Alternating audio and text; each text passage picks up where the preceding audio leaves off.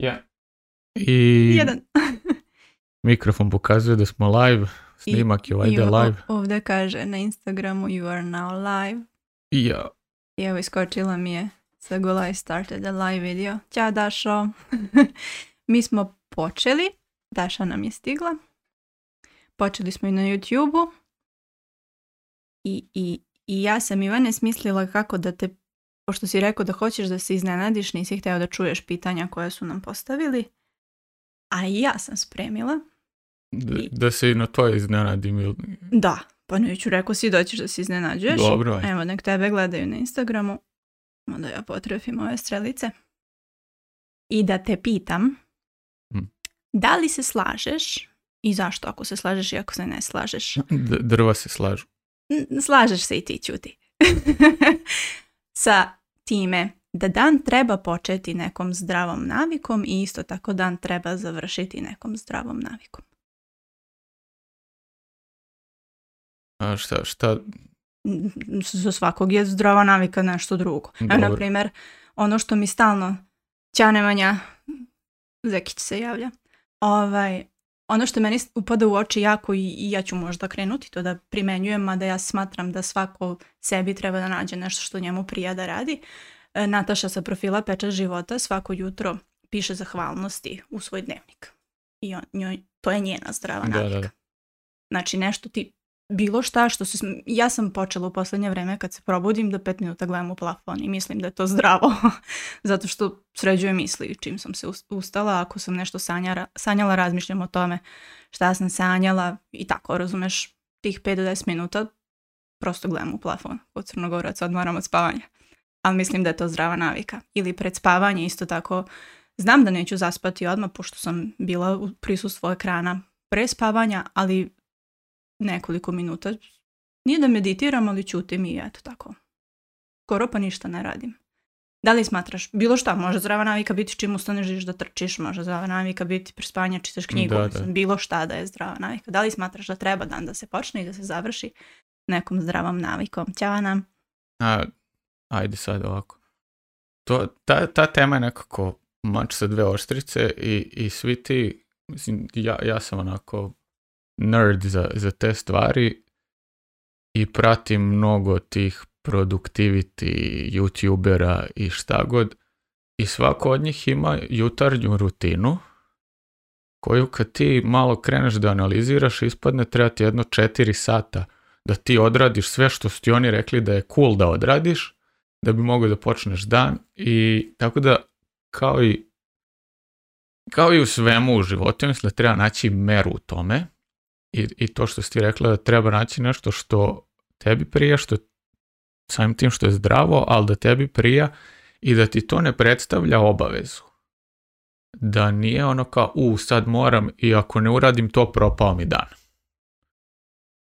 E, na, na taj način neki treba razgraničiti. Pomenula si taj dnevnik zahvalnosti, što mislim da, da je jako cool stvar.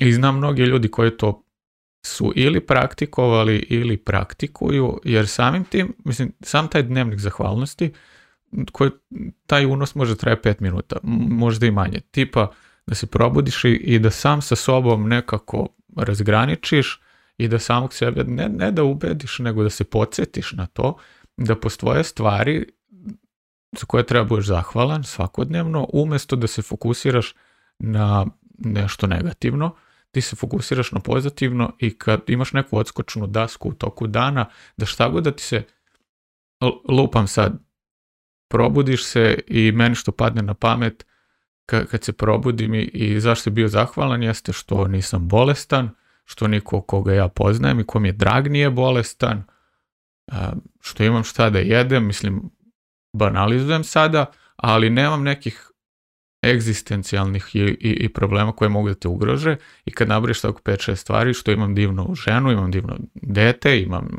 mislim, imaš milion nekih stvari koje možeš sebi koje uzimaš zdravo za gotovo inače, mm. ali kad ih nabrojiš tako i svaki dan se toga setiš što ne, fali ti nijedan ud ili mislim tako neke trivialnosti, ali kad kreneš s tim...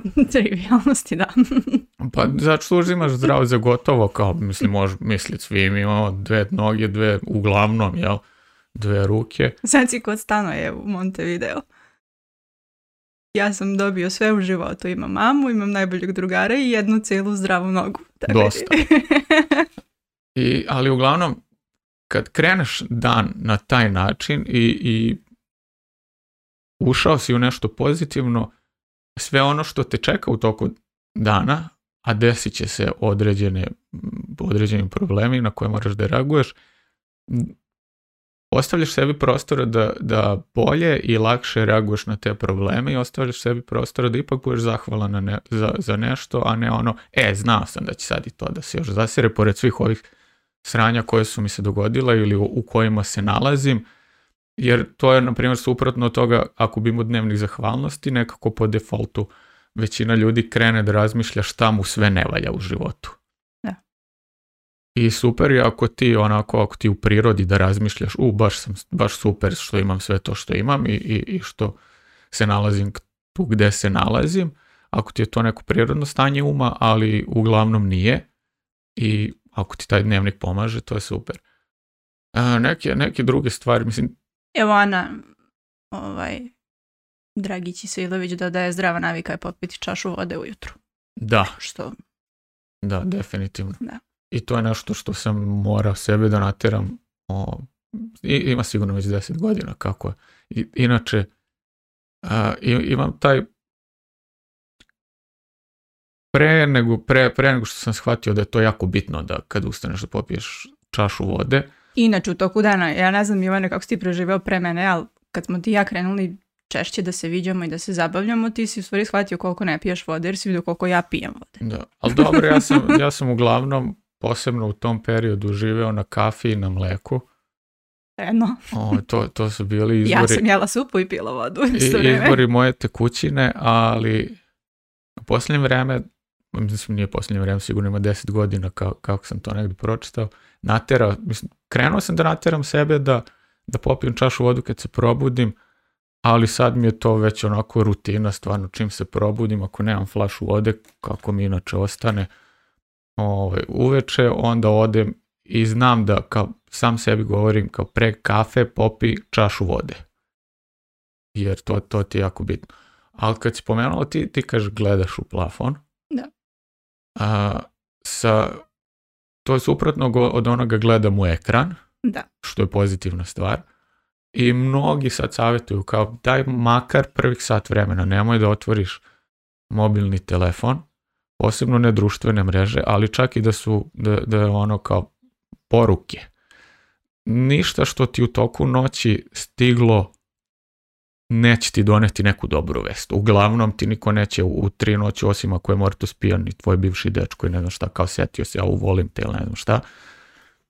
Ali, i, a, verovatno ćeš se zbog toga ono kao, da me se ovaj setio, znaš. Ali uglavnom ti neće doći dobre vesti i kao zašto bi se odmah izjutra trovao time. I ono što, što ja volim da uradim, i, iako sam sam kriv i, i sam otvorim telefon pre nego što bi to želeo, zato se trudim da ga držim negde da mi nije dohvat ruke, da ipak moram da ustanem do njega, jer ono, ako mi je pored kreveta kad tu je, aha, daj vidim šta ima, dok sam već tu, dok umjesto da gledam plafon, ali trebalo bi izbjegavati taj telefon jedno sat vremena, bolje sredi svoje misli, da li će to biti dnevnik zahvalnosti, neki drugi vid dnevnika, da li ćeš prosto da ležiš da gledaš u plafon. I ono što biologija naleže, a to je gdje smo mi negdje bića koja su stvorena za kretanje i bića koja vrlo dobro reaguju na onu plavu svetlost s polja, ali i na ovu sa ekrana. To nas razbudi i, i to ti nekako poređa sve stvari na, na mesto, sve hormone i, i krene da ti se luči i dopamin i serotonin i mnogi stvari kad si ti na polju. Jedna od stvari koju, na primjer, Andrew Huberman, neurolog i neuropsihijatar ili tako nešto, uglavnom čovjek stručan za mozak i za biologiju, on preporučuje izađi napolje i prošetaj 10, 15 minuta, pola sata u zavisnosti od toga koliko ima sunca, da li je oblačno, da li nije oblačno. I, ali bit, bitna je kretnja, da ti se menja horizont i, i da ti se tu dešavaju promjene i da imaš pristup sunčevom svetlosti i da se krećeš i kad to uradim, ako se setim, još uvijek mi to, ono, kao se probudim, uopšte mi to nije na pameti, ali par puta kad sam uradio, stvarno se osjeti velika razlika u ostatku dana moje raspoloženje i koliko ću biti motivisan da uradim nešto ili ne uradim ili da se uopšte suočim sa problemom ili šta već, ali mislim, ok je, prvi korak bi ja rekao da izbjegneš telefon, gledaš u plafon, drugi korak je ostaviš telefon u sobi, izađeš, prošetaš, odvoziš bicikl, bitno je se krećeš, trčiš. Bez krećeš i da nemaš toliko toga blizu oka, odnosno da ti vidi Da, da, da imaš onako širok vidik. Ono. Da, da. Jer dobar deo dana provedeš fiksiran gledajući samo pravo, samo u monitor. Ja nekad imam problema onog posle 6, 7, 10 sati računara prosto izgubim periferni vid. A i cijelu noć gledaš u kapke, što je opet blizu. ne znam, moje se okrenu, ja gledam u mozak. Ja. znam što je mrak. Slabo vidim. Dobro, e sad pomenuo si tu korak 1, korak 2, korak 3. Kada imaš neki cilj, nešto što želiš da uradiš, to je ono što sam ja napisala juče ispod objave bilo da si krenuo sa zdravom ishranom, bilo da je tvoj cilj da napišeš knjigu, bilo da je tvoj cilj da napraviš novi kuvar, bilo da si upisao fakultet pa je sad cilj da ga jel te i završiš, bilo, ne znam šta sam tamo navela. Da li smatraš da sve treba da razložiš u korak i da radiš jedan po jedan ili možda treba raditi nešto istovremeno i koliko toga? Ja, ja sam ekspert za to da nešto odugovlačim, da znam kako ne treba da se radi ali sam uspio ipak neke stvari kao i, i da uradim, da završim u životu i to je bilo isključivo kada sam problem razložio na sitne korake, oni koji mogu da ti stanu jedan zalogaj. Znači nešto što ćeš da uradiš sa lakoćom i da ti neće biti ogroman teret. Klasičan primjer, ono u čemu ja imam iskustva, pisanje romana – što je jedan ogroman projekat i koji može da traje godinama, kao u mom slučaju što traje godinama, ali kad sam završio roman, završio sam ga zato što sam imao priču od početka do kraja, imao sam ovo se događa, ono se događa 25-6 puta, 50 puta, znao sam šta će da se dogodi i onda sam se ja danas pišem, u, u, u, kad je u pitanju pisanje, to je ono kao 500 reči, 1000 reči, koliki ti je kapacitet da, da uradiš toliko da nije baš zanemarljivo malo, ali da se i ne preopteretiš, nego da sutra imaš jednaku želju da opet sedneš to da radiš. Mhm. Tu negdje treba da nađeš tu sredinu i za svakog od nas je to različito u zavisnosti šta radiš. Znači da se ne, ne zasitiš, pa da se, kao kažem, da se e, prezasitiš u stvari, a i da staneš valjda onda kad je najslađe da bi nastavio sutra. Bukvalno, ja mislim da Salvador li imao tu, tu praksu ili neko od tih slikara. U, uglavnom, anegdota, da li istinita, da li nije, nije bitno, ali dobra je priča. Stojao je negdje na nekom grebenu neke planine u, Španiji i jeo breskve i kaže uzme zrelu bresku, zagrize je, uzme taj sok, ispljune i baci je zato što je tad najslađa. Buda. I ovaj kao osjetio si ono što se trebao da osjetiš, ali sad kao odustanje od toga. I, i to važi za sve.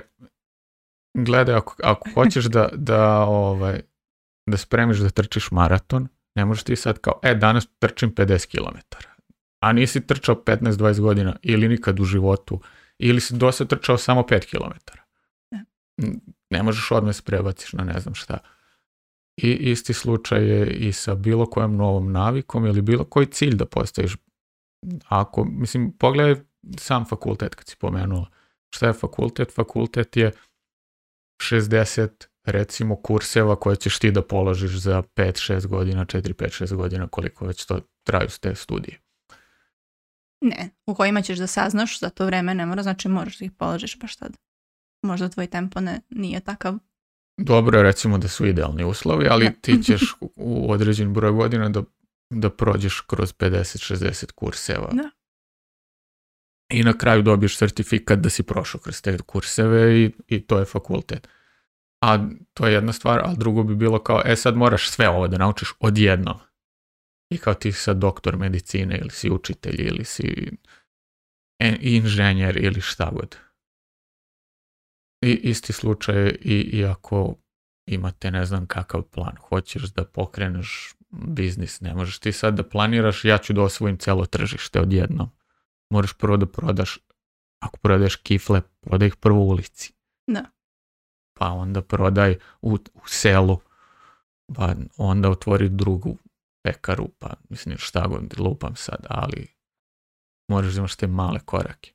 I da budeš strpljiv što bi značilo da ako nešto radiš da bi istrajao, treba da poznaš sebe i da napraviš svoj tempo i da sebi razložiš ono što, što radiš na sitnije da bi stigao sve da uradiš u tvoje vreme. Da, ali mislim da to ide, da su to dve, različite putanje koje vode ka istom mestu i, i se. Ti ne možeš da poznaš sebi, sebe ako nikad nisi radio ništa. Jer ti možda misliš, sediš i razmišljaš, o ja mogu, ne znam, ja mogu da otplivam odavde do Crnog mora. A, ali nikad nisi zapravo ušao u, u vodu da mhm. plivaš. Da, to se tebi desilo kad si krenuo pišeš roman. Znam da si dan noć pisao skoro dva dana. Da. Mislim, u, u mom pa onda slučaju, nisi koliko meseci. Da, u mom slučaju ja sam nezahvalno je govoriti o tome sad ti kao talentovan si za pisanje. Ne, jer ne znam šta znači biti talentovan za pisanje. Da li je talentovan za pisanje neko ko lako piše, kome reči lako dolaze, ko voli da sipa, I, ili je talent za pisanje neko kome reči teško dolaze, ali to kad napiše je ono kao mind blowing, ne znam na srpskom. Sad imaš tu te dve granice. Uglavnom, meni meni je to uvijek lako dolazilo. I dok sam to lako radio, imao sam nek, negdje sam bio ubeđen kao, mislim, nemam problema, ja ću napisati roman, pošto svaki dan mogu da sedim i satima pišem. Što je, o, jedna radnja koju kao, a, umoriš se od intelektualnog rada koja možeš misliti. Mislim, probaj ti da sediš i, i tri sata duboko razmišljaš o nečemu. Pa, pa da vidimo... Umni rad je pa, fizički. Pa, pa da vidimo ovaj, kako će to da izgleda i na što će da liči i koliko ćeš imati energije za dalje, dok, na primjer, fizički rad prosto utreniraš se za takve stvari. Ali sad ne, omalaž, ni, jedan posao. Radio sam jedne i druge stvari i jedne i druge su teške, i, ali su različite. Da, ali jedne i druge koliko si puta rekao sad kad smo se vratili ovdje na selo, koliko ti prija da si kopo rupu kad si nešto ljuljašku ili si kosio travu ili prosto da, da je osvježavajući uraditi i to nešto fizičko. Da, uzaj, uzajemno se dopunjuju, jer nekako, posebno ako je u pitanju taj neki stvaralački rad kao što je pisanje, ja, na primjer, dok kosim travu i dok šetam tom kosilicom ili dok perem sudove, nekako ti je um slobodan da se da, da slažete sve te stvari o kojima si prethodno razmišljao ili da se odmori ili šta već i mnoga, mnoga neka idejna rješenja za romane ili za bilo koje priče koje sam pisao do sad su došle ovaj, dok sam pravo studove ili dok sam šetao tako ili dok sam se tuširao baš zato što ti je ono nemaš, nisi fokusiran samo sad kao moram sad da ga imam i zato je dobro napraviti taj balans. A koje je bilo pitanje? da, da li u redu raditi više stvari istovremeno? Da, da, da li je sad to, da li to smatraš rađenjem dve stvari istovremeno, da razmišljaš, na primjer, o pisanju romana i kosiš travu ili je rađenje dve stvari istovremeno ili više stvari istovremeno nešto sasvim drugo? A, jedno i drugo, mislim, i, imaš ono kao klasičan multitasking gdje ti kad kosiš travu ti možeš da radiš mnogo drugih stvari jer to ne zahteva ne znam koliku tvoju pažnju osim kao posebno a ako imaš kosilicu stravu na, na benzin, ne moraš paziš da li ćeš pregaziš kabel ili nećeš. A ako imaš ovu na struju, onda ti je jedini problem da li ću preći preko kabla za struju ili neću. I, i, onda možeš da, da voziš to i da razmišljaš o, drugim stvarima ili šta već. A imaš taj drugi problem raditi dve stvari ili više stvari istovremeno, gde neko poput mene ko bi postigao visok skor na onome što smo radili test kod Jordan mhm. Petersona, mm da je ono conscientious, openness to experience, koliko si otvoren za nova iskustva. Svi mi koji smo visoko na tome, imaš potrebu da se kreativno izražavaš, to je urođena potreba, i ako si jako visok na tome, prosto ti je jako teško da se odlučiš koji je to medij, koji je to način na koji ćeš ti da se izražavaš. Mislim, pogledaj mene. Ja pišem blog. Ja imam ovaj YouTube kanal. Volim tu da sjedem da sipam. Pišem fikciju. Uh, volim da snimam vlogove. Ako mi daže da slikam, ja ću vrlo brzo da se zaljubim u to i tako da sam bilo kakve bilo kakav vid slikanja, crtanja sam prosto morao da kažem, e, znaš, ovdje podlačim liniju. Jedno vrijeme sam hteo ne znam, da pravim animirane filmove. I gdje god postoji bilo kakav mogućnost da se ti kreativno izraziš, ja prosto ću jako da se lako zalepim za to. I u tom smislu mislim da je, ako gledaš s tog ugla, jako nužno da nađeš jednu stvar ili dve, tri srodne koje mogu da se dopunjuju. S druge strane, ako si neki super genijalac kao što je bio Da Vinci i koji može, može sve to da postigne, onda mislim slobodno ili imaš i, imaš primjer Einsteina mislim daleko da se ja poredim sad sa njima dvojicom čisto Dobro, navodim primjer primjeri koji prosto znamo jer su ekstremni. Imaš Einsteina koji je bio fizičar, matematičar, vrhunski i koji je voleo svira violinu ili imaš Stephena Kinga ili Woody Allena koji su pisci, ovaj je i režiser Woody Allen, ali u slobodno vrijeme sviraju instrumente i čak i nastupaju sa tim svojim bendovima. Mislim, nije to sad na istom nivou njihovo pisanje i njihovo sviranje, ali dovoljno dobro sviraju da, da moraš da nađeš neki Ovaj ne, neki balans između te dve stvari ili više stvari. A da li to onda znači da treba da imaš jedan cilj kakom težiš, a imaš nešto čime ćeš da se baviš i prosto što će ti pomoći da, da nisi baš totalno fokusiran na taj cilj u smislu da si opterećen njime, znači da imaš neki izduvni ventil I, i, ili možeš da imaš više velikih ciljeva koje, koje želiš da ostvariš i možeš da ih ostvariš istovremeno. Mislim da moraš da imaš jedan veliki. I da se na njega fokusiraš 70-80% i svog vremena i svoje mentalne energije. A da sve ove druge stvari koje dopunjuju to ili ti prosto pružaju zadovoljstvo, kao što sam ja sada odlučio, na primjer, fokus mi je završim roman, konačno, i, i 80% moje energije ide ka tome. A fotografija, podcast, sve drugo, da, blog. Da, istraživanje o samo ishrani. Istraživanje o ishrani. Sve to ide na stranu. Sve to hobi. uh Ne, neko puka, puka moja neka radoznalost i, i, i, i želja da usavršim svoje znanje u tome i da to ne samo da znam kao za slagalicu, nego da stvarno primenim to. to. To je onda jedno od onih pitanja koje sam ja navela, da li je dovoljno poznavati mehaniku samo da bi nešto uspeo? Pa evo koliko već imamo ovaj kanal, skoro tri godine, meni govori da mm, nije dovoljno da ti nešto znaš, nego moraš da znaš zašto nešto to radiš i, i da budeš svestan toga. Jer, e, mislim, evo kar klasičan taj primjer za ovo što mi radimo, na, što smo dosta radili na, na Zagolaj, je bilo sa ciljem imali smo problem s viškom kilograma, saznali smo kako to može da se ukloni i saznali smo mehaniku, biohemiju, čitav taj mehanizam, insulin, šećer, ketoni, glukoza, sve se to može naučiti za 45 minuta jednog školskog časa, ako je to dobro isplaniran čas. I, i taj naš kurs i ne traje više od 45 minuta kog možete naći na, na sajtu i to je vam dovoljna informacija da znate sve i ako čak i niste odmah nešto kapirali ili ste zaboravili, vrati se pogled krajnje prosto za keto ishranu. Sabiraš ugljene hidrate, nemoj da je zbir veći od 30 i Šta ti više treba? Šta to treba da se desi da se to znanje stvarno primeni?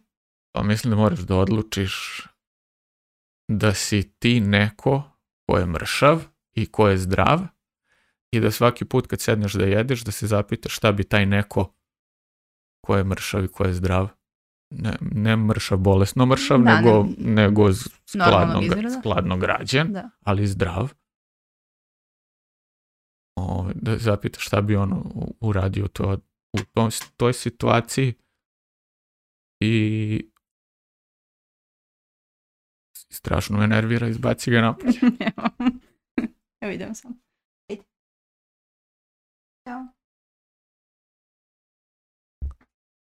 Ma, mačak nam odlači pažnju, pošto se penje svuda ovuda, ne znam zašto je i pušten unutra. Pogod se ne ispred. Nek se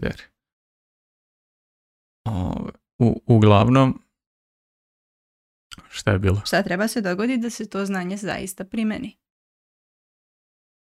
Mm, mo, moraš ti sam sa sobom, ja mislim, da, da raščivijaš u glavi da si ti ta osoba koja tako će da postupa. Jer ono, ako si ti odlučio hoću da smršam 5 kila, i onda ću biti na keto iskreni dok ne budem smršao 5 kila i onda ću se vratim na ono staro. Ti ćeš i dalje biti onaj isti stari ti koji si bio i sa 5 kila viška i kad se vratiš na staro, ti ćeš vratiti tih 5 kila možda i više. Ali ako ti odlučiš ja sam neko ko ne jede šećer, onda je to druga priča. Mislim da moraš te odluke da doneseš na nivou tvoje ličnosti. Znači da se identifikuješ. Da se identifikuješ kao neko ko ne jede šećer, a ne neko ko neće jesti šećer dok ne bude skinuo 5 kg i onda ću opet da jedem šećer. Jer onda imaš problema i sa istrajnošću. Jer ako se ti identifikuješ kao neko ko neće jesti šećer dva meseca ili dok ne budem skinuo 5 kg ili oba, onog momenta kad skineš ti više nisi neko ko ne jede šećer, ti si opet neko ko jede šećer. Ali opet i kad se identifikuješ kao neko ko ne jede šećer, ti moraš da znaš zašto si se identifikovao kao neko ko ne jede šećer, a možeš pronaći odgovore sam za to i, ili prosto da upitaš nekog zašto je to šećer loš, pa zato što ti stvari insulinsku rezistenciju ako ga jedeš previše, zato što to nosi druge bolesti poput diabetesa, metaboličkog sindroma, Alzheimera, direktno povezan Alzheimer, da neki smatraju da je Alzheimer diabetes tipa 3, tako da mnogo nekih stvari loših nosi taj šećer, ali ako ti hoćeš prosto da udovoljiš svojim čulima, onda na tebi je izbor. Mhm. A kaže mi, e, kako mi to da znamo da smo na dobrom putu? da smo na, pravom putu do svog cilja. Pa nekad to i ne znaš. I, i nekad je teško odlučiti da li si na pravom putu ili nisi. Ali daj, daj, mi, daj mi primjer. Recimo sad, svi mhm. koji ti je cilj i... Da, i, ne znam, mislim, pitanje je koji parametri treba da nam budu pokazatelji da smo na dobrom putu, ne znam šta je, na što se tačno ovdje misli, jer pitanje mhm. je na, na temu koju, o kojoj pričamo danas. Pa sad, šta god. Evo, na primjer, za ishranu, pošto se time najviše bavimo. Da li je pravi parametar ono što nam vaga pokazuje, na primjer? Mhm. Da li na to treba da se obraća pažnja kada skidaš kilograme? Da li su to obimi ili ako, ako, ako si lupam, ako si otvorio komiš smo otvorili Instagram profil, da li je pravi pokazatelj broj pratilaca da smo mi na pravom putu ili broj lajkova ili broj komentara ili šta je to, šta je pokazatelj mhm. da si ti na pravom putu? Opet zavisi, moraš jasno da postojiš ciljeve. Uzmimo ishranu za primjer. Šta je cilj tvoje ishrane? Ako si promenio ishranu da bi skinuo tih 5 kg viška, onda ti je merilo da li, da li, ti, da li se ti brojevi smanjuju. I to je ako mene pitaš, jako loše postavljen cilj, jako površan cilj. Uvek kad su, najlakše postaviti cilj kad su, kad se nešto može izmeriti, kilogram. Da. Broj pratilaca na Instagramu, izmeriš ih i otvoriš aplikaciju i vidiš ja imam toliko pratilaca. Ali ako postaviš cilj neki koji ti je dugoročan, za kog znaš da ćeš imati benefit ako ga ostvariš i ako ostaneš na, na toj putanji zapravo da tu putanju postaviš kao cilj. Znači da uživaš u procesu, da si fokusiran na proces. Ne moraš nužno da uživaš. Da si fokusiran na proces, da je proces ono što je bitno. Da. Jer uzmimo sad jedan onako ekstremni primjer hemoterapije gdje ti je za cilj da ukloniš tu bolest koju imaš, rak, tumor. Niko ne uživa u, u hemoterapiji, mhm. ali znaš da ti je to jedino što će da te spasi i ići ćeš tamo svaki dan dok, dok se to ne reši. A sad uzmem manje ekstreman primjer gdje ti je ishrana, kažem, ako postiš cilj onih čuvenih 5 kg za plažu ili šta već viška što imaš ili nemam pojma, onda to kad meriš i, gubiš motivaciju i nije, ali ako, ako postaviš kao cilj da želiš da budeš zdrava osoba, a zdrava osoba je neko ko umereno jede šećera ili vrlo malo ili nimalo, e onda si ti ostvario cilj svaki put kad sedneš da jedeš i ne pojedeš šećer. Da. A šta ćemo ako imaš grižu savjesti, ako skreneš sa tog puta? Pa, ja sam ovo jedno jako prosto pravilo, nije moje, nisam ga ja izmislio, čuo sam od drugih. Dozvoli sebi da poklekneš jednom, ali nemoj da vežeš dva puta. I, ne, i, nemoj, I nemoj da razbiješ glavu oko toga ako si pokleko jednom ili, ne znam, pojao si burek Lupa mi sad ti treba da razbiješ glavu, jer to je kontraproduktivno. Ali ako si bio u situaciji, ne znam, izašao si u, u, grad, rano ujutro, svi idu na burek, vraćaš se kući, ideš i ti na burek dođevala, ili koja god je situacija, lupam sada, i nemoj poslije se ono, jedeš zbog toga, ali gledaj da tvoj sljedeći obrok i tvojih narednih deset obroka ne budu burek, nego da bude nešto što je dobro i to kad ne vežeš dva puta, na dobrom si putu, ali nemoj da bude svaki drugi, nego gledaj ako si nešto uradio, da narednih 7, 10 puta bude ok i onda kad uzmeš onu krajnju sliku, onaj široki plan, kad pogledaš, ako uzmeš kalendar i ubeležiš svaki put kad si pojeo krofnu, nacrtaš krug na kalendaru, ako taj kalendar ima manje od pet krugova, super. Jer problem kod ljudi je što jako je teško gledati na neke dugoročne ciljeve. To ti je onaj marshmallow efekat. To je eksperiment koji su psiholozi radili još, ne znam, 60 i 70 i doveli su dete u prostoriju, vrlo malo dete, 4, 5, 6 godina i dali mu jednu onu slatkiš. Marshmallow, što je to? Ono ko marshmallow, nešto jako mekano i rekli su mu evo ti jedan ovaj slatkiš, ja ću sad izađem napolje i ako se, kad se budem vratio, ako ti do tada nisi pojeo ovo, daću ti drugi. I snimali su sve vrijeme i sad dete se bori sa tim, hoće da pojede, mislim, zna šta je i slatko je lepo, ali hoće i drugi. I većina, većina dece je bila ono varijant kako ovaj još nije ni završio rečenicu, on je već strpao usta, taj i nije dobio drugi. Neki su se borili, neki su žestoko onako se sve savija, pa žmuri, pa začepi uši, pa ne znam, peva nešto, broji, otkud znam, samo da skrenem. sam pažnju, da. I na kraju ga ipak strpa, jer je ovaj, što, je vršio istraživanje, te, ono, testirao ih je da vidi koje su im krajnje granice. Neki su čak uspeli da izdrže 10-15 minuta bez toga, bez, bez da pojedu, pa se ovaj vratio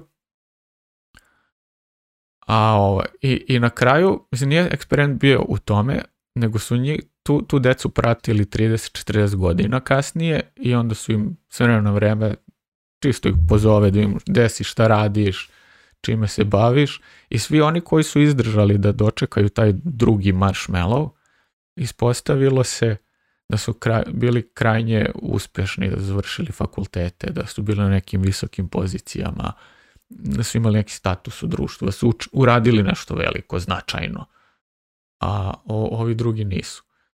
Međutim, kad se ponovio taj eksperiment, nisu baš uvijek dobijeni isti rezultati, možda zato što su već znali za, za to, pa se više ne važi.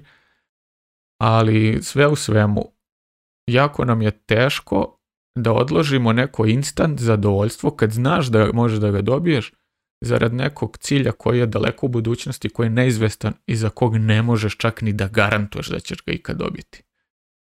To je problem. Ako možeš da se fokusiraš na nešto što će ti za 5, 10 godina ili koliko već daleko u budućnosti, može biti dva mjeseca, doneti neke rezultate i da, da ti to bude jasno u glavi, umjesto da se fokusiraš na to instant zadovoljstvo, daj da malo gledam TikTok, ili Instagram Reels ili gde to već gledaš, ne znam,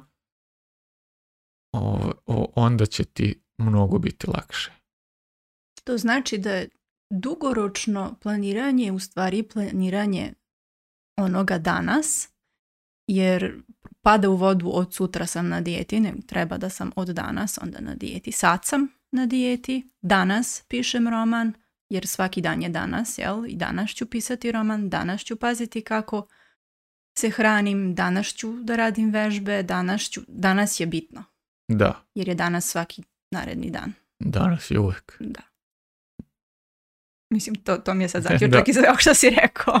danas je uvijek. Danas je uvijek. Imaš tamo na četu nešto. Neko pit. Marko Mileko. Ajde, čitaj naglas, nećemo znati kasnije. kaže Marko, moj kolega s posla, dajte savjet kako da napravim zdrave prženice.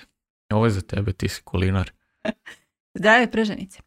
Uzmeš jedno jaje, uzmeš otprilike dve kašike maslinovog ulja, uzmeš tri kašike mlevenih orašastih plodova ili mlevenih semenki, na primjer mlevenih badema ili mlevenog suncokreta, šta voliš od tih ukusa, i uzmeš malo, malo, malo praška za pecivo, onako pola kašičice, može i manje, i sve to lepo umešaš, učinicu, ono što bi bio kao ban, na engleskom se to zove za, hamburger oblika tog, ubaciš u mikrotalasnu na minut i po, to se ispeče za minut i po i naraste, onda presječeš na pola, ubaciš u toster i napraviš prženice, namažeš ih nekim puterom i Bog da te vidi.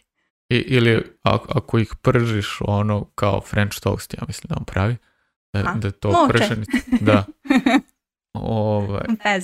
O, onda ih isto, taj, taj hleb uvaljaš u jaja i ispržiš kako bi. Inače, nemoj na ulju, ovaj, uzmi svinsku mast ili, Lepše, ili neku zdravije, zdravije ulje.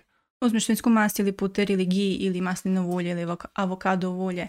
Nemoj ovo, čak nijako je hladno ceđeno jer prevelike količine mogu da izazovu inflamacije, tako da... A, ali u svakom slučaju na, na našem sajtu ima recepata za te zdrave hlebove. Da, imaš i na Instagramu. Ali bitno je da ne bude brašno od žitarica, odnosno da su ili brašno, baš da piše da je brašno od lana ili od suncokreta ili od bundevinog semena ili od badema ili sam, samelješ, nije problem nikakav.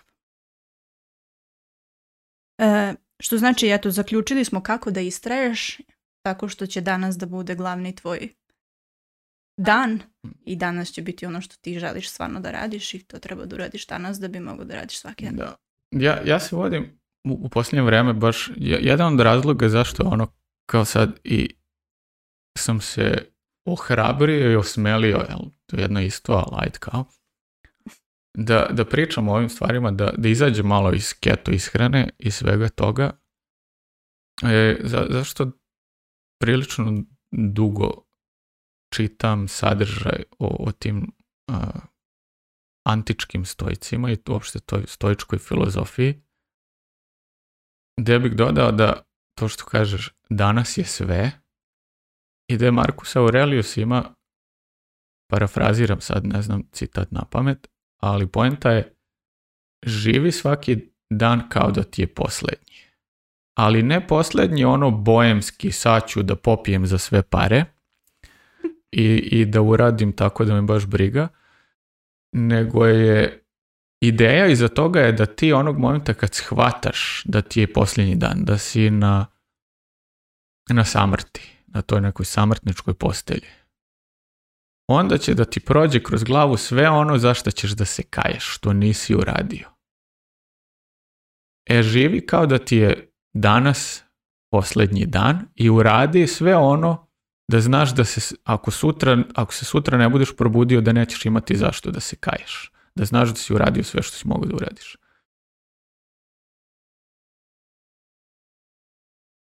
Tišina da vam se to slegne. E, imamo pitanje trenutno. Kaže zdravo društvo, samo da vas pitam da li moram da postim 24 sata ili više da bih ušla u proces autofagije. Uglavnom da. E sad, autofagija je malo kompleksna tema. Da, ako, ako misliš na autofagiju da mršaviš, onda ne moraš. ali ukratko da autofagija je nešto što se odigrava u našem telu non stop, ali se znatno uvećava onog momenta kad ćelije ne dobijaju ili hranu ili kiseonik. Znači autofagija možda se dobija da, da se odigrava i nakon neke ili u toku fizički aktivnosti, kardio, da ti uskratiš sebi kiseonik, samim tim što trčiš pa ne možeš da se nadišeš ili voziš bicikl ili plivaš. A s druge strane, ako ne jedeš, uglavnom kažu da treba oko 16 sati zato što prosječnom čovjeku treba oko 16 sati da potroši glikogen. Jer onog momenta kad ćelija ostane bez glikogena, onda kreće ono kao gdje je ova hrana, daj da recikliramo šta tu ima od ovih bolesnih organeli, možda se nalazi neki virus, bakterija, nešto što može da se reciklira. Ali uglavnom ljudima treba oko 16 do 24 sata da potroše glikogen i naravno što to duže traje, to, to je više i više ćelija ostalo bez glikogena i više i više ćelija će krenuti da reciklira svoje organele i šta god da se tu od patogena nalazi da bi se recikliralo, ali ja bih rekao 24 verovatno garantuje. Da, evo, Brankica koja je pitala da mm. kaže da mislim na tu da mršavim, gledala je video. Sam proces mršavljanja je dovoljno 16 sati, mm. ne moraš 24 i u tih osam sati kada ovaj, je taj takozvani prozor za hranjenje, gledaj da nemaš više od tri obroka, bilo bi super da imaš dva i da se najedeš na ta dva obroka, prosto nećeš morati tih 16 sati ni da jedeš, a tad će se već pokrenuti proces smršavljanja. I to sam ja baš sad, sam ti to jutro srekla ili juče ujutru, da iako Ivan i ja trenutno nismo na keto ishrani, jer jedemo malte ne svaki dan i sladoleda i voća i svega, ali mi imamo jedan obrok koji je bogat život, masnoćama i proteinima životinskog porekla i koji jedva da ima ugljene hidrate. Ako ih ima, ti ugljeni hidrati dolaze iz jogurta i to nam je prvi obrok u danu. A drugi obrok, ako ga imamo, on je od voća ili sladoleda i eventualno dopunimo nešto ako smo gladnima, da, jer ne osjećam baš nešto puno gladi. ne osjećam glad za taj drugi obrok. Evo, pa mi pokazuje da nije jeo 19,5 sati. Ovaj, bez problema, iako mu je taj drugi obrok bio, otišao si do bašte i ubro sveže šljive i šta si jeo tamo? Kupine? Mm, ne, ja sam kupine i par šljiva. Znači, sveže voće je pojeo, nije ga pojeo puno i to mu se, eto, prije 19 Dobro, ali uče si mi donela one kiriki. Da, jeo si kasnije kikiriki ali eto, to su i dalje ugljeni hidrati bili i, i, i prosto sad posle skoro tri godine smo navikli svoj organizam da ima dva obroka dnevno i ne smeta nam više da taj drugi obrok e, budu ugljenih hidrati jer u početku ishrane, same keto ishrane i u početku te satnice koju smo uveli, uh, e, 16-8 najčešće koju koristimo, smo pazili da drugi obrok nema puno ugljenih hidrata da bi nas masnoće održale sitima do sljedećeg dana. Ali da, u, u, pitanju su tu i ovi hormoni gladi i sitosti, grelin i leptin, je onog momenta kad ti kao što možeš stekneš insulinsku rezistenciju, tako možeš stekneš i rezistenciju na leptin, hormon sitosti. I, I znači koliko god ti leptina dobijao, ti ćeš i dalje osjećaš gladi, to je ono kad ne možeš da se najedeš i većina ljudi ima problem s tim. I to je posljedica previše šećera, lošeg spavanja, ali da dvadesetak sati mi je praksa ovog leta da, da ne jedem uglavnom. Ne znam, juče sam posljednji put jeo u 6.15.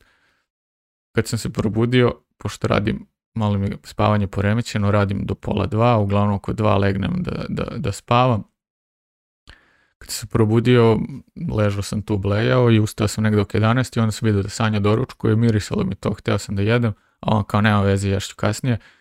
Jer nemam više taj odnos sa, sa glađu da sad kao u, umreću ako sad ne budem jeo. Ne, ono kao glad doživljavam kao emociju, jebi ga sad, kao tu je pa je tu, neću umreti, znam ako ne budem jeo. ali znam onog momenta kad sednem da jedem, da će to biti obrok bogat proteinima i mastima i da ne moram da brinem da li sam uneo sve što mi treba ili ne treba. Neću sigurno pojesti, ne znam, u špageta ili pice ili nečega, što definitivno ne bi mogu da izguram ni, ni 16 sati posle toga, a ne nešto drugo. Ja sad moram da kažem, Brankica je dodala da je njen brat postio 72 sata i krenuo sa autofagijom i izlečio osre i jazu. jazu moguće nije dobro napisala. Zato rekao da pitam jel moram da postim, e, sad me zanima jel mogu i da treniram. Može i da se treniram. A, može da se trenira, ja ne bi preporučivao kardio treninge na ovome, a ako, ako jedete, ako ne jedete duže od 24 sata, kardio trening može da bude onako malo bolniji. Posebno, mislim, ako je to, ne znam, 24 sata ne jedete, na omadu ste lupam, pa onda trening i onda možeš bude kardio, jer ćeš potrošiti taj, sve što si imao glikogeno potrošit ćeš, možda ćeš malo ovaj, osjetiti pad na treningu, ali ako ti nisi profesionalni sportista i nije ti bitno da imaš ne znam kakve rezultate u trčanju ili u čemu god, vožnji bicikla, onda nastavi. Ali ako ćeš da ne jedeš 7 dana, uradit ćeš jedan kardio i dok ne budeš opet još šećer, nećeš više raditi kardio jer neću moći prosto, bit će mučenje, mm. bit će ono. Dok trening snage bez problema može da se odradi. E, Brankica još dodaje, mogu na jednom obroku dnevno, samo me zanimalo da li moram i dešavalo mi se da imam osjećaj metala u ustima. Metala? Da. A, da ti krvare desni ili tako nešto. Da, ako je metal. Ako je neki čudan osjećaj, onda su možda ketoni. Da, ono, ako, definitivno ako si na omadu, onda definitivno upadaš u ketozu, makar kratkotrajno. I nije toliko metalan ukus koliko je kiselkast ukus, jer nus proizvod metabolisanja ketona je aceton. I onda imaš bukvalno aceton u dahu i, i, zato možeš da izmeriš koliko imaš ketona kad imaš onaj uređaj za merenje, on se u suštini meri koliko acetona ono izdahneš. Da, to je višak u stvari ketona.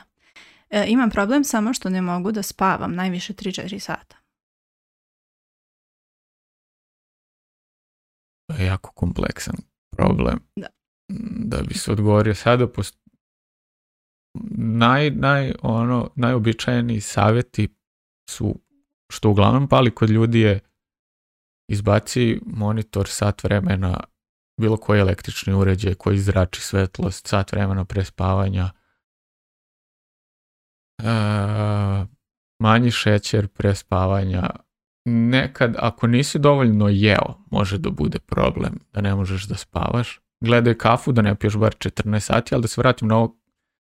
E, ja sam imao to iskustvo i većina ljudi kad sam na tom dugotrenom postu,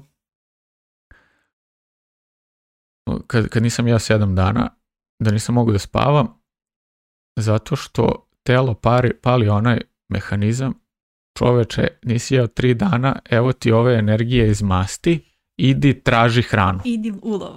idi ulovi, idi uberi nešto, idi pronađi nešto, iskopaj neki krompir, ali samo daj nam nešto. I onda ako si u kalorijskom deficitu na omadu, a verujem da jesi, je redko ko ima kapacitet da pojede 2, 2,5 hiljade, 3 hiljade kalorija, posebno ako treniraš koliko ti treba dnevno. Ti verovatno pojedeš 1000, po kalorija dnevno.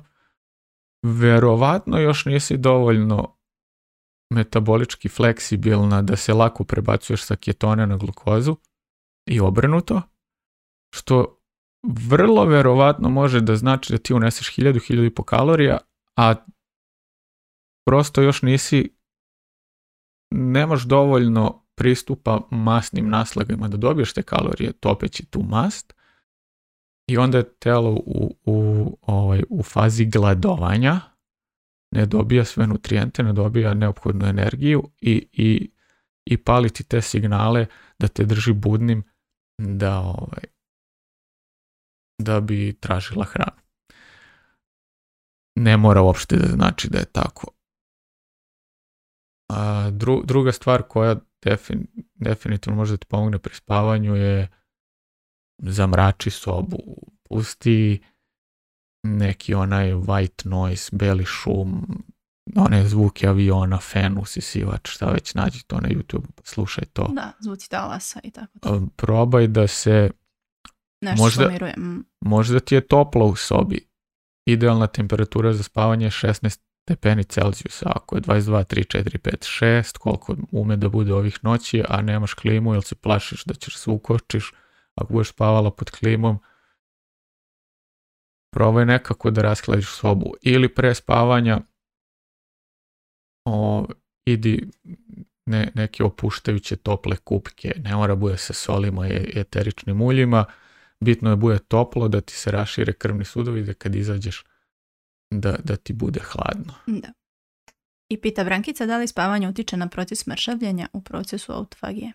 A, koliko znam, ne direktno, ali indirektno da, zato što ako si nenaspavan, e, doće do, se neće doći do poremećaja, prosto ćeš više lučiti tog hormona gladi, donosit ćeš lošije izbore po pitanju hrane, često ćeš imati tu potrebu za slatkim, za šećerom koji ćeš, nećeš moći lako da se izboriš sa njom. Osim ako imaš baš jako čvrstu volju. I onda indirektno će to da utiče, jer ja od kad ne spavam kako bi trebalo često razmišljam o toj, u toj meri o sladoledu da ono kao moram sad pa narkoman. E, to je na Instagramu. Ima ovdje jedno pitanje što je pre 19 sati postavljeno vezano za ishranu. Dodatak ishrani ketoni maline. Možda se ne uklapa u koncept najavljenog lajva, ali verujem da ste informisani u ovom suplementu. Ketoni maline. I ja sam isto tako odreagovala, nismo informisani o ovom suplementu. Otišla sam da vidim šta je. Ako je povezano sa rečju umršavljenje, onda je to bliže na izvor ili tako neki časopisi, što odmah daje crvenu zastavicu da tu nešto neštima. A ono što sam pronašla, iako je izvor sa Wikipedije, e, jeste da su ketoni maline u stvari aceton iz maline, zato se zovu ketoni, i da se koristi u, u prehrambenoj industriji radi veći arome maline u, u proizvodu koji bi trebalo mhm. sadrži malinu, a ne sadrži je. Tako da što se tiče suplementacije, ne. Ono što ja znam jeste da postoji to ti, kako se to na engleskom kaže, exogenous ketones. To znači van telesni ketoni koje možeš da uzmeš u vidu suplementa, ali je to kontraproduktivno ako hoćeš da mršaviš. Jer ako hoćeš da mršaviš, ti hoćeš da koristiš ketone koje je tvoje telo napravilo trošeći masne naslage. A nećeš da uzmeš ketone koje je nečije drugo telo napravilo ili u laboratoriji napravljeno, pa da ih uzmeš kroz, jer to je isto kao da si jeo. Da. Tako da nisu to baš suplementi ketona maline, jer tako nešto nema svoju funkciju, to je samo dodatak industrijskoj i prehrambenoj industriji da pojača aromu maline u proizvodu koji bi trebalo sadržati. Ali to je sad, mislim, keto je sad postao trend, zna, saznali su i ovi iz industrija prehrambenih da je to hit i da možeš da smrša i onda se stavljaju etikete keto na svašta, što uglavnom nije keto ili ne u dovoljnoj meri, ali se, bih se nadovezao za ove suplemente. Koliko se ja sećam, suplementi ketona uglavnom koriste sportisti, profesionalni sportisti koji su na keto ishrani, a ovaj, u pitanju su, ne znam, neki ultramaraton ili nešto, pa sad kao, aj malo da se... kao što, ne znam, drugi ultramaratonci piju glukozu. E, Brankica kaže, hvala vam puno, inače pratim vas na youtube i mislila sam tamo da vas pitam sve ovo, ali vide hlavi i dođe mi kokec na 10, još jednom puno hvala za informacije. I, ima isti ovaj live na YouTube. Da, mi trenutno smo u isto vrijeme ovdje na Instagramu i na YouTubeu. Ovaj, ja Ivane nemam više nikakvih pitanja, jedino sad ne znam da li si ti pokrio sve što si tu tim tvojim tezama napisao pa za temu koju smo... Mislim, trudila sam se da, da te pitam tako da bude ono što smo pričali, a, i da pokrijem pitanja koja su postavljena. Pa u suštini ne, sad sam totalno izbačen o, razmišljanju o tim stvarima vratio sam se opet na, na, na ishranu i na sve to. Ali ono, ako hoćeš da sumiramo, da... O, ono što je mene uopšte navelo na razmišljanje u ovom pravcu hm. je to što je tvoj tata odustao od keto ishrane. Da. I, I nije on jedini koji je odustao. Ja znam mnogo ljudi koji su nam se obratili, što bliskih ljudi, koje poznajemo što s fakulteta, škole, iz ulice, rodbina, prijatelji, šta god, što ljudi koji su nas upoznali o, na internetu i koje, s kojima smo sarađivali ili davali im savjete za keto ishranu. I ono što je meni bilo je kao imaš sve moguće alate da, da smršaš, da, da postaneš zdrav, da ozdraviš u, slučaju tvog tate koji je na, koji se na nepotrebnom insulinu. mm da, on dodaje sebi insulin. Dodaje sebi insulin. I de on, delovalo je u startu da će on to da izgura i smanjuje dozu insulina i, i držao se svega toga, čekaj. Ali baš to što smo govorili, on se nije identifikovao kao neko ko je zdrava osoba, on se identifikovao kao neko, e, ja ću sad ko oni da jedem jedno vrijeme dok ne budem smršao onoliko koliko hoću ne budem izbacio lekove koje hoću i onda ću ono što je, što je rekao, da, jedem ko čovek. To je problem, jer ti, ti, ti si sebe ubedio da ti sebi uskraćuješ nešto umjesto da se ubediš da ti sebi činiš jednu veliku uslugu. To sam htjela kažem, mislim, neću da branim njega niti bilo kog drugog ko poklekne iz tog razloga, ali razumem ga zašto je poklekao i zašto više ne može da se vrati na ono kako je bio stvarno disciplinovan, disciplinovan u početku, jeste to voće što ga mami u voćnjaku i što kroz dvorište kad prođe prvo uzme krušku, pa dok dođe do bašte on je već uzeo jednu jabuku, pa dok je otišao u baštu, ono tamo višnje bile, pa sad šljive i kajsije, sad će biti preskve i prosto razumem ga zašto mami ga to sve jasno mi je da, je jako teško da se odupreš od toga, pogotovo što si toliki dugi niz godina iza sebe navučen na, šećeri na i nisi se još oslobodio toga dovoljno jako i dovoljno dugo da bi bio, bio ovaj na, na koja ne podrazumeva unos šećera, bilo da je to voćkica, bilo da je nešto kupovno.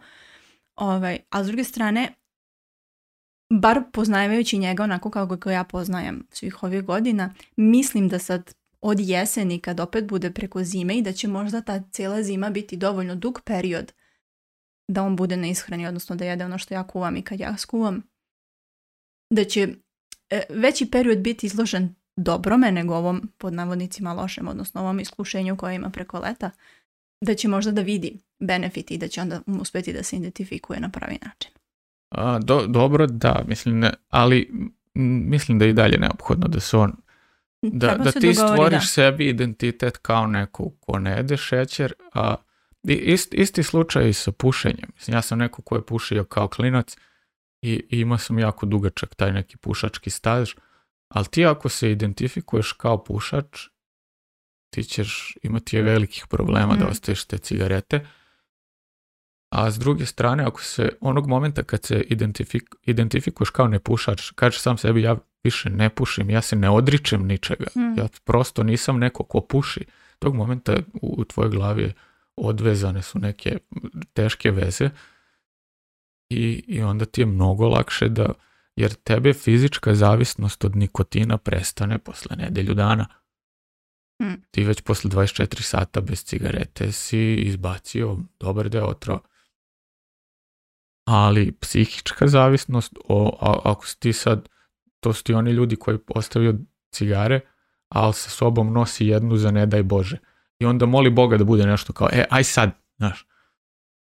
A misliš kao nisam zavistan, ali sve vrijeme sa sobom nosiš jednu kutiju ono u rezervi ako se zadesi i onda gledaš gde će to da se zadesi. Da, tražiš Isto ti je, isto ti je i sa ovim, ti se nisi identifikovao kao neko ko ne jede više šećer, ne jede voće, zato što hoću da skinem s insulina, mm. nego si se, ti si kao privremeno ću da podnesem ovu žrtvu zato što sam video da mi je pokazale rezultate posle 10 dana ili koliko već i onda čim su rezultati opali jer se usporilo jer ne može uvijek da se mršavi istim tempom ti ono što bi se ja žrtvovao. Ne. I onda ideš i jedeš to. Ali ne kažem, i, I mi smo računaj imali pristup voću, ti si svaki dan u prodavnicu, ali ga nisi I svaki pa put pa, u prodavnicu... Pa moraš da daš novac za to, drugčije što si ponapravio napravio pet koraka i ubrao zrveta. A vidi, kad si zavisnik od nečega, daćeš pare za... Sve Sve zadnje pare ćeš dati, nije, molim te, nam mi priča to, pitaj nekog narkomana. Znam, ali kažem, ipak je drugčije ovo. Je ali, ali, ali s druge strane, kad smo već kod voća, nadovezao bi se koliko je neprirodno jesti to voće iz prodavnice. Jer, mislim, davno nisam imao pristup svežom voću, ali evo sad sam imao čitavu sezonu, gdje ono kao, ja višnje, znaš, dana nema više ni jedne. Ja evo kajsija, nedelj dana prođe, nema više ni jedne kajsije. Odiš u prodavnicu, tih imaš godinu dana. Hm. I, I u toj meri je zdravo jesti voće koje bereš sa drveta, zato što nemaš ga tad cijele godine, jedi ga tad kad ga imaš. Ajde, ni tad preterivati. A mislim, najedi si tad, nema veze, neće ništa biti. Ali nećeš moći... Ako jedeš više, će biće ti. Pa kako kome? Ali ne, nemoj sad o, ovaj, da, da, ga kupuješ i sad kao moram svaki dan da jedeš voće. Ne moraš uopšte da jedeš svaki dan da, samo zato što ima etiketu da je zdravo, ne znači da je zdravo svaki dan. Tako da sve, sve postoji neka, u svemu postoji neka homeostaza i neki prirodni sistem i, i, i ritam Tako da, u, uglavnom što se tiče svega toga i ove čitave teme, da tri po nije baš tri, pa ali dve i skoro tri godine radimo na ovome i mnogim ljudima smo poružili ove informacije, ali očigledno te informacije nisu dovoljne ako ti sam se sobom ne razboriš i ne kažeš ljudi ja neću više da budem rob lekova, neću budem rob svojih poriva, jer ništa drugo to nije nego poriv i zavisnost od slatkog, i opet imamo te dugoročne, kratkoročne ciljeve, da ti kratkoročni cilj on neki malo primitivniji, da ti zadovoljiš svoje potrebe za slatkim, da pojedeš, ne znam, štanglu čokolade, izlučiš određenu dozu dopamina i onda to ti malo onako srećkasto. A osim ako ne kreneš posle da se kajaš, onda ti baš i nije srećkasto. Dok ako postojiš dugoročni cilj, moj dugoročni cilj je da budem zdrava osoba i, i fizički i mentalno, e onda, onda ne razmišljaš o, na taj način, evo kako bi mi sad legla čokolada. Ne kažem, sam sam kriv i ti si rekla jedemo svaki dan, ali ta, sada dovoljno znam o tome, dovoljno imam iskustva, dovoljno poznajem samog sebe da znam kad i koliko mogu da jedem slatkog ili čokolade mhm. ili ne znam šta jer ja nisam neko ko će do večera i onda ću u 11 u, almi sad jedi čips. znaš, nema šanse. Čak i da mi se jede, odbijam da ga jedem. Da. Ili bilo šta drugo. Udovoljit ću svojim porivima, ali onda kada je vreme za udovoljavanje i u količini u kojoj, u, kojoj mi neće naškoditi to što sam udovoljio sebi. Evo kaže, tako isto i moj otac, dijabetičar, ima svoju ishranu od lekara, ali ima svoju baštu i on tamo jede, iako mu je striktno rečeno da ne sme puno, nego samo jednu voćku u danu, ali on dok ne pojede dve, tri jabuke, šljive, šaku malina, za njega to nije to i on kaže da je mrtav čovjek jer mu je uskraćeno to. To je to. Ali to, to, opet se vraćam na to, to ti je trojno zadovoljstvo, kao e vidi, ja sad mogu da radim šta hoću, ali onog momenta kad dođemo, a doći će, doći će, ako bude dovoljno dugo poživeo sa tim dijabetesom, doći će moment kad neće više biti, e, nemoj više da jedeš voće, nego, e, više neš moći da hodeš, moramo da ti odsečemo nogu. Ne. E, to je dugotreno razmišljanje, kao da li želiš da ti odseku nogu ili želiš da pojedeš sad malo više voće nego što bi trebalo. Pa sad bire. Jedino što ćeš rezultate ove noge videti tek za 10 godina, hmm. a rezultate ovog voća vidiš odmah, iako nisi sposoban da gledaš toliko daleko u budućnost ili se vodiš onim čime se svi mi vodimo, a neće to baš meni da se desi, to se uvijek desi nekom drugom dok se ne desi tebi, onda ćeš jesti to oće koliko god ti volja. Što se opet vraćamo na ono što sam rekla, danas je taj dan kada radiš ono što treba da radiš ili ako hoćete drugčije, kao što ono kažu od sutra sam na dijeti, tako možeš da kažeš još samo danas neću jesti voće. Pa svaki dan kad kažeš još samo danas neću jesti voće, ti ga nećeš jesti ako nije potrebno da ga jedeš ili nećeš jesti čokoladu ili bilo šta drugo, još samo danas to, ne, to što ne valja neću. Ili od ponedeljka krećem da, da. Ali, na primjer, moja motivacija za, da uopšte razmišljam u pravcu zdrave ishrane je to što ne, ne želim da obolim od Alzheimera jer s obje strane genetskog materijala ja vučem taj gen, tako da ne mogu da ga izbjegnem. Nekim čudom mogu. I niko mi ne garantuje da, da, da neću. Ono što pravilnom ishranom mogu da obezbedim jeste da mi se ne desi sa 60, nego možda malo kasnije. Da. Da produžiš zdrav život. Da. da. Jer nije poenta ni živjeti ne znam koliko dugo, a da 20 godina se budeš na teret nekom, da, da, da si na žestokim lekovima, da nisi sposoban sam da staraš u sebi, poenta je da živiš dugo i da, ako već imaš te ambicije, a verujem da svi imamo, koliko god si nihilista i deprimiran i inače bi presudio sam sebi odavno, a svi imamo tu neku želju da živiš ali nije život da da udovoljavaš baš svakoj potrebi da preživljavaš, nego je treba naći neki balans u tome i i da ti prosto bude dobro da opet možeš sebi da udovoljiš i da nađeš način sebi da udovoljiš i da i da se ne odričeš nekih stvari kojih se inače ljudi odriču, ali da, da, opet sve to bude optimalno nekako. Možda nije prave znači svoj balans, jer čim kažu balans, meni je klackalica u glavi, balans je da su obe strane jednake. Da. Možda naći neki svoj ritam. Jer svakom je nešto drugčije, svako drugčije može da funkcioniše. Tebi, na primjer, smeta ako pojedeš kikiriki, meni ne smeta ako pojedem kikiriki. Znači svoj ritam treba da pronađeš. Pravi ritam. Da. Da, da nađeš, da. da nađeš šta ti odgovara i u kojoj meri ti odgovara. Siguran sam da kad se već vraćamo kod junk fooda, za mene ono junk food koji meni prija su sladoled i čokolada. Ja mogu da provedem ostatak svog života da ne pojedem više nijedan čips. I kiflice. Kiflice teško. Ne, mislim, to je tvoj junk food i kiflice. ali o, što se tiče nekih, nekih drugih stvari ne moraš i onda, ali opet ne moraš da se odrekneš posebno kad se dovedeš u neko metaboličko zdravlje, ali nemoj da se izubijaš sad od toga. Um, kaže još Brankica.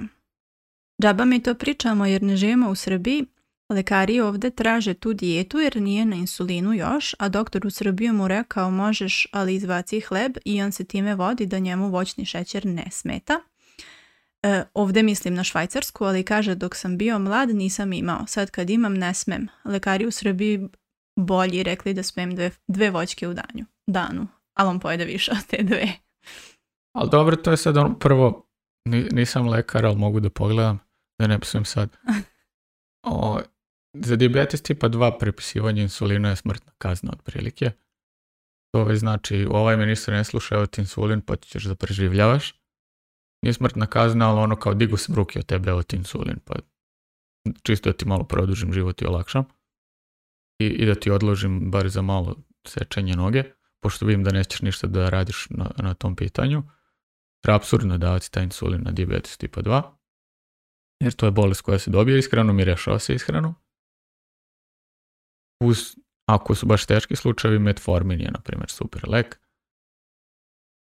Ali to je ono sada u tom slučaju lekar mi u Srbiji rekao mogu dve voćke, ovaj mi rekao je mogu jednu voćku. Ora tim je ti sad ideš i tražiš odobrenje od nekoga dok ti taj neko ne potvrdi ono što ti već misliš. I to je, to je najlakše uraditi. Posebno danas gde Ča, čak i ako odeš na naučne studije, ti ćeš naći naučne studije koje potvrđuju i da je keto iskreno dobro i da je keto iskreno loša. Sad, pitanje je koliko ti umeš da tumačiš te studije i, i da, da prokljuviš koja je urađena na dobar, koja nije urađena na dobar način, koja je imala propuste, koja nije imala propuste, za, za tako nešto ti opet treba i znanje i iskustvo, čitanje toga i analiza toga i za to treba vremena i niko od nas nije, nema potrebe niti je dužan da radi takve stvari. Absurdno je da, da uopšte takve studije kontradiktorne mogu da se objave, da iako prolazi rigorozne kontrole, opet ima propusta i, i u toj sferi, ali čak, zato kažem, čak i kad tražiš bilo koji povod za nešto, sad možeš naći siguran sam studiju da treba da jedeš 20 kila voća dnevno ili tako nešto. Hmm. I da kaže da, da, samo jedi, frutarijanci.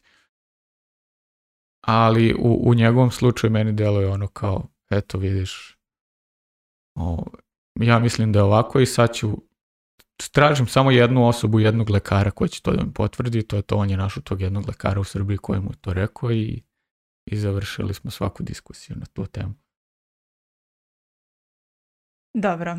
Ivane, imaš nešto? A, pa, ne, možda. Ono što bi ovaj, dodao jeste da, da nam, ako ste izdržali do kraja ovog podcasta, da mi sipamo na, na sve na sve moguće načine, čisto da nam napišete u komentarima kako vam se sviđa malko skretanje sa, sa ishrane. Da. Jer ono šta, šta si, možda bi još trebalo pomenuti i tu činjenicu da je, iako smo sad možda prvi put skrenuli u nekom većem imali smo mi i, i, u nas poneka pitanje koje nije bilo usko vezano za ishranu i znam da je reakcija na naše odgovore bila dobra, mm. bar ono što su mi pisali kasnije, da se zahvale na odgovoru ili čak i neko ko nije pitao to na što smo, o čemu smo pričali, je nastavio svoju priču kasnije u inboxu. Ovaj, zato smo mislili da bi bilo u redu da osim ishrane pričamo i, i o nečemu drugom što utiče pozitivno na, na razvoj bilo koga, tako da to nam je u stvari cilj. Da, ajde, završio bi s ovim, opet vraćam na stojke na Markusa Aureliusa i, i na Seneku i na te ljude gde opet parafraziram nekoga, ali dan, ne, parafrazi da prilike ovako, dan u kom ništa nisi naučio je protraćen dan i ja bih se nadovezao na to da smatram da onog momenta kad prestaneš da učiš, ti si otprilike mrtav, jer onda nastavljaš svoj život na autopilotu i na, na, na znanjima koje si stekao do tada, što se nekima nažalost desi i pre srednje škole. I, I onda završiš sa svim tim i razlog zašto uopšte malo skrećemo van iskrene, baš zato što smo shvatili da to što ti znaš nešto iskreni nije dovoljno da bi ti unapredio sebe, jer ishrana je samo jedan od načina da ti unaprediš sebe, unaprediš svoje zdravlje i da ga držiš na nekom optimalnom nivou. Absurdno je da ljudi koji imaju automobile obraćaju toliko pažnja da je automobil bude dobar, tera ga na servis svakih šest mjeseci, godinu dana, zavisno da li profi ili amaterski, registracija, ovo ono, a koliko pažnje obraćaš na svoje telo. Da.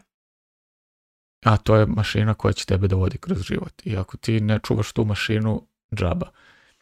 I mislim da treba da se dotakne i drugih stvari i drugih, drugih načina da se radi na sebi, jer očigledno ne može samo iskreno funkcioniše samo po sebi, mora da se radi i na mentalnom razvoju, na razvoju svojih navika, nekih ubeđenja životne filozofije, gde filozofiju ja ne smatram nešto kao što se uči u školi ti da pamtiš kad je rođen Markus Aurelius mhm. ili da znaš da ga citiraš, jer ja ne znam, ali da umeš da parafraziraš to njegovo i da primjeniš to na svoj život ili bilo šta i ono što tako da, da vola bih da se ovo u, budućnosti malo više proširi na neki filozofski manir gde ti ishrano bude samo jedan od alata da unaprediš svoj život. Marko piše opet. Ali ti daj naglas ali ne mogu da čitam mimo mikrofona, ajde ovako. Kaže Marko, treba pored iskreno pričati o bioritmu, snu, mentalnoj higijeni, jer sve to treba da bi čovjek bio zdrav. Marko otprilike sumira ono što ja pokušavam da kažem već sat i po vremena koliko ovo traje. Hvala Marko i, i mislim da je to, ne, to je samo jedan deo slagalice, ishrana. Mo, moraš da radiš na mnogim stvarima. I... Zato nam pišite iznesite svoje mišljenje, svoje nedoumice nedumice i pitanja. Ako mislite da mi možemo da vam pomognemo, odgovorimo na neka od pitanja. Ili prosto ako vas zanima Ivanova filozofija ili moja filozofija na neku temu. Da, jer ovo, daleko od toga da je ovo kao naučni podcast ili nešto. Više se bavimo filozofijom, ali... Ovo je kafa sa Ivanom i Sanjom. Da, otprilike. Tako, hvala svima koji su bili danas ovdje. Marko opet nešto kaže.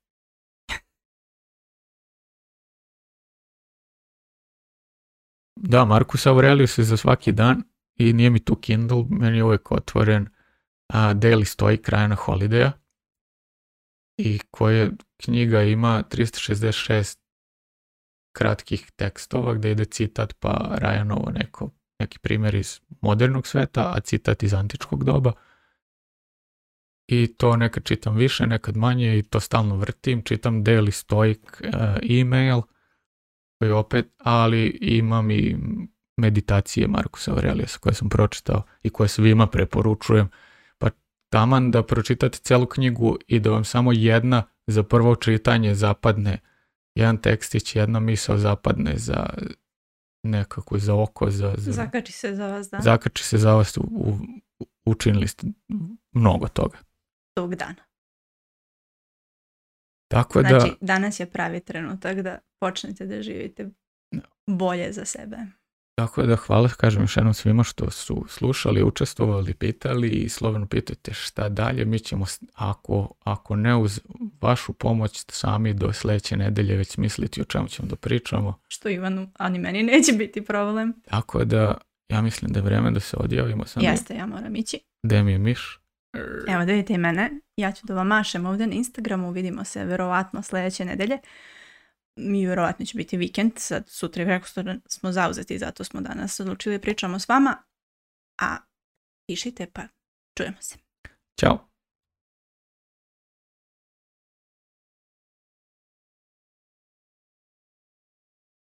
Jedi tu ćao.